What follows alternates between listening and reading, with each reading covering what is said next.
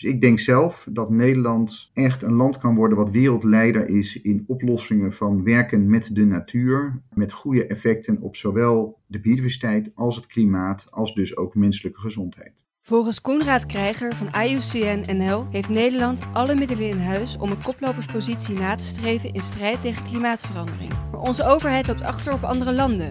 IUCN is een internationaal samenwerkingsverband dat zich bezighoudt met natuurbehoud. Koenraad Krijger is de directeur van IUCN NL. Dit is een podcast van ANP Expert Support. Deze dienst staat los van de ANP-redactie. Luna van der Waarde spreekt vandaag deze expert naar aanleiding van dit ANP-nieuwsbericht. Meer dan 200 medische vakbladen roepen wereldleiders op om meer te doen tegen klimaatverandering. Corona is nu belangrijk, maar de hogere temperaturen leiden ook tot catastrofale gezondheidsschade. Steeds meer ouderen sterven er bijvoorbeeld door. We moeten nu snel doorpakken, schrijven de vakbladen. Ik spreek vandaag met Konrad Krijger van IUCN NL. In de laatste 20 jaar is het aantal hittegerelateerde sterfgevallen onder 65-plussers zelfs met meer dan 50% toegenomen. Moeten we ons in Nederland nou ook zorgen gaan maken om onze gezondheid door klimaatverandering? Nou, zorgen maken denk ik uh, op korte termijn niet zo. Het is wel zo dat klimaat en uh, de biodiversiteitsproblematiek die hangen heel nauw samen en daar ligt wel een aantal onderliggende problemen waar we ons wel zorgen om moeten maken, die ook de gezondheid van mensen raken. En dan bedoel ik bijvoorbeeld ook uh, gezonde lucht. Uh, die in Nederland hè, met veel fijnstof. En dat heeft ook te maken natuurlijk met de uitstoot ervan, maar ook met het gebrek aan gezonde leefomgeving en, en natuur om het uit te filteren. Natuur is heel belangrijk voor mensen hun gezondheid in het algemeen.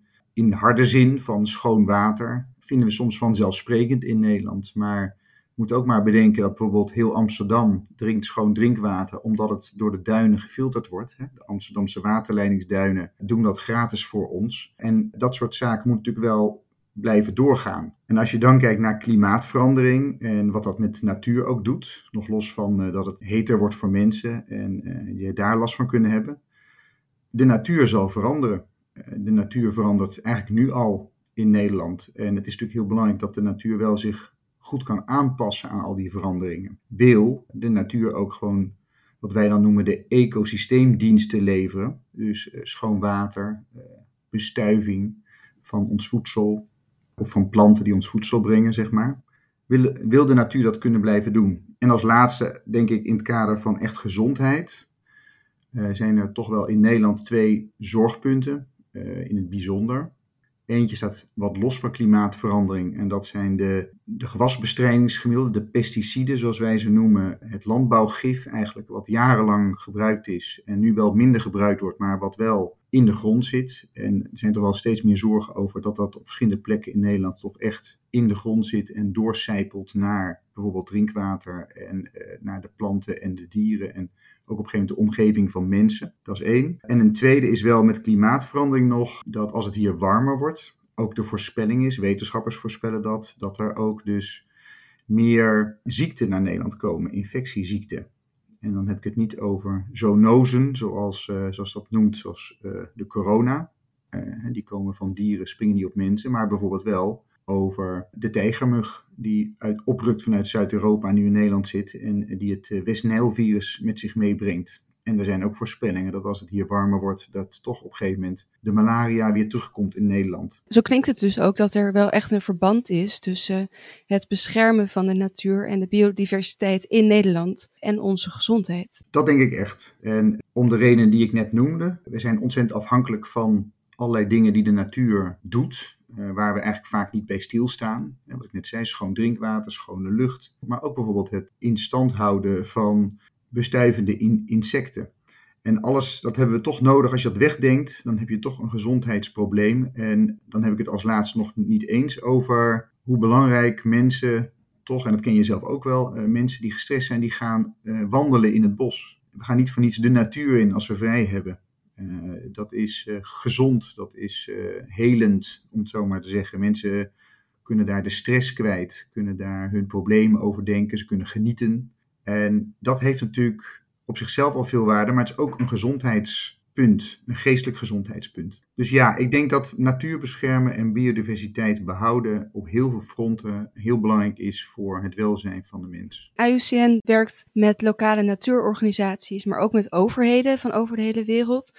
Uh, maar wat doet IUCN nou precies in Nederland? Wij zijn een platform voor de Nederlandse IUCN-leden, lidorganisaties. En eh, de meeste mensen op de straat die kennen IUCN toch niet zo. Misschien van de rode lijst die we dus uitbrengen. Maar over het algemeen is het een organisatie van organisaties. En dat is de Nederlandse overheid en alle bekende natuur- en milieuorganisaties van Nederland. Hè. Ook uh, Natuurmonumenten, Staatsbosbeheer is lid, Wereld Natuurfonds, de Vogelbescherming, maar ook de Waddenvereniging, Milieudefensie, tot aan dierentuinen als Artis en Oudehand en botanische tuinen en ook universiteiten en kennisinstellingen zoals Naturalis zijn allemaal lid van IUCN en uh, dat zijn hele verschillende invalshoeken. Dus wat wij doen is wij brengen ze bij elkaar, daar wordt gesproken over wat zijn de grote problemen voor Nederland, uh, ook in internationaal verband.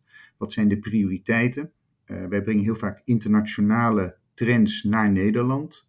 Uh, zoals dat we nu ook bij het IUCN-congres in Marseille zijn en wat daar gebeurt naar Nederland brengen. En op basis daarvan bevorderen we dan dat er gezamenlijke plannen worden gemaakt. Dat er van alle kanten naar het probleem wordt gekeken.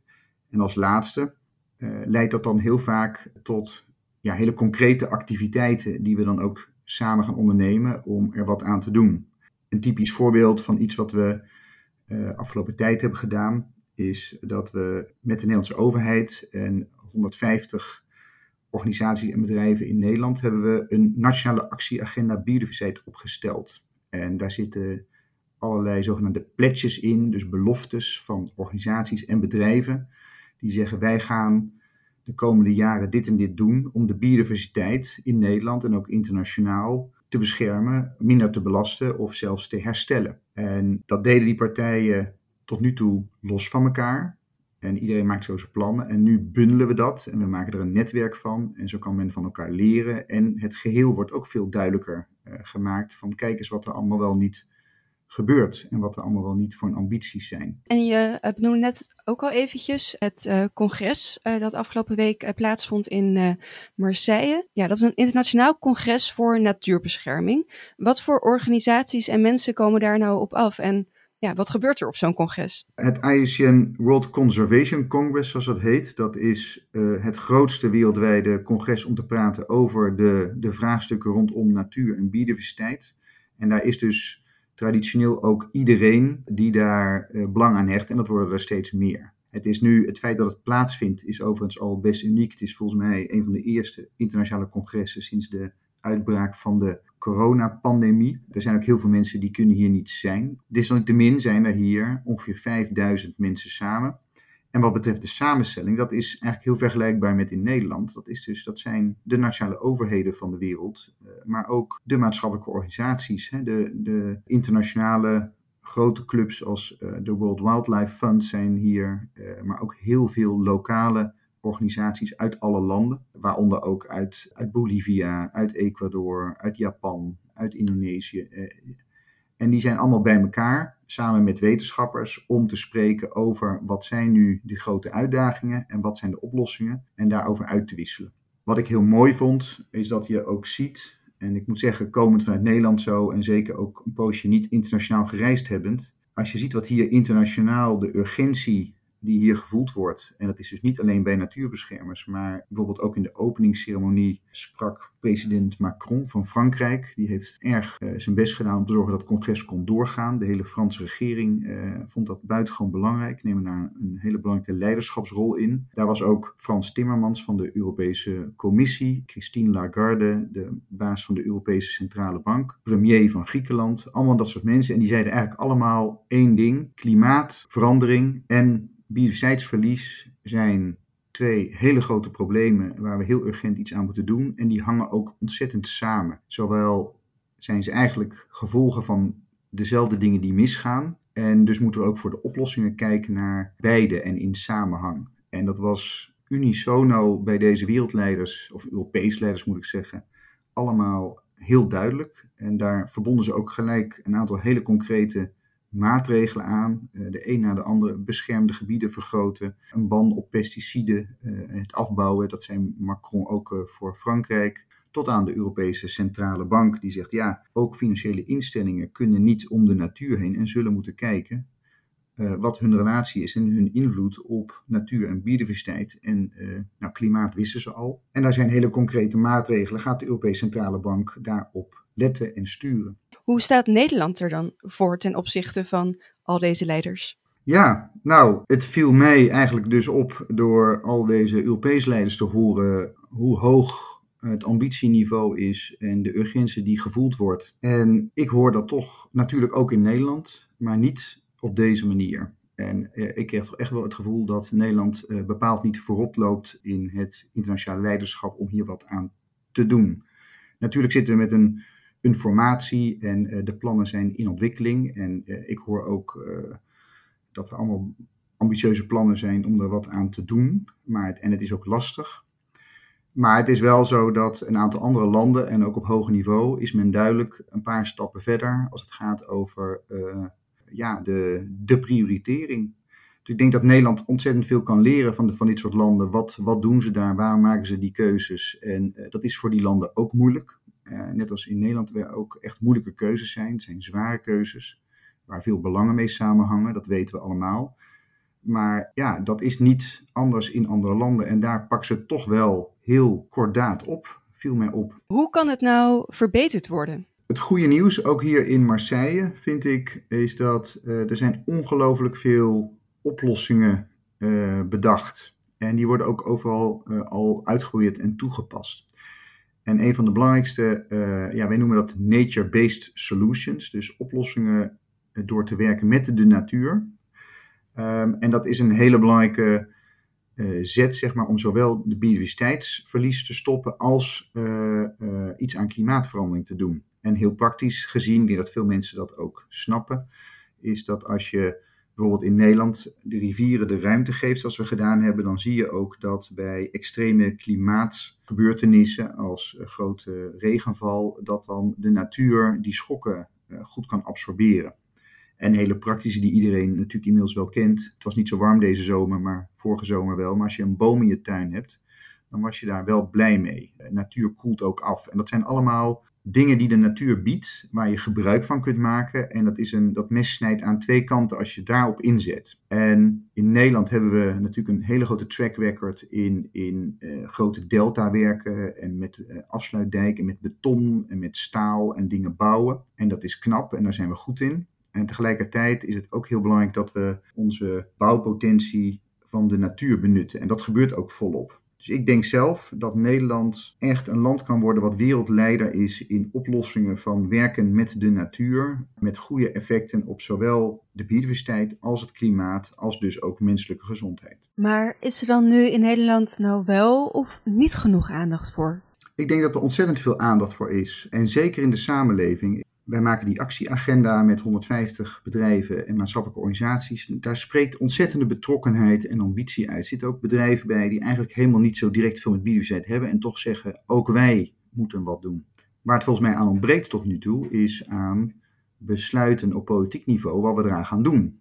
En volgens mij is het helemaal niet een vraag van wat zou je kunnen doen. Het is best heel duidelijk wat er moet gebeuren. Uh, maar er moeten, en dat begrijp ik ook, ingewikkelde knopen worden doorgehakt en dat gebeurt in andere landen zo te zien uh, wat kordater dan in Nederland. En dan wil ik toch nog even terug ook naar het uh, nieuws over de medische vakbladen die uh, wereldleiders oproepen om nu echt iets te doen tegen klimaatverandering vanwege de gezondheid van mensen. Heb je vertrouwen in deze oproep? Ja, ik begrijp heel goed waar die oproep vandaan komt. En we moeten het zien als geen aparte problemen die we ook apart moeten oplossen. Je moet ze in samenhang oplossen. Dat is hartstikke belangrijk. Het klimaatprobleem, de biodiversiteitsverlies en volksgezondheid. En het feit dat die medische vakbladen aan de bel trekken, dat wil zeggen dat het nu ook zo is dat het overduidelijk is dat het uh, niet alleen iets is van de natuur en van beestjes en plantjes en bloemetjes, maar ook iets voor uh, de mensheid. En het is niet alleen iets voor de economie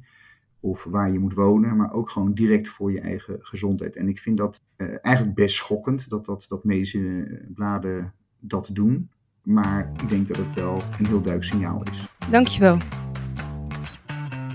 Deze en andere experts staan in de database van ANP Expert Support. Ga voor meer informatie naar anp.nl/slash expertcast. Dit is een podcast van ANP Expert Support. Deze dienst staat los van de ANP-redactie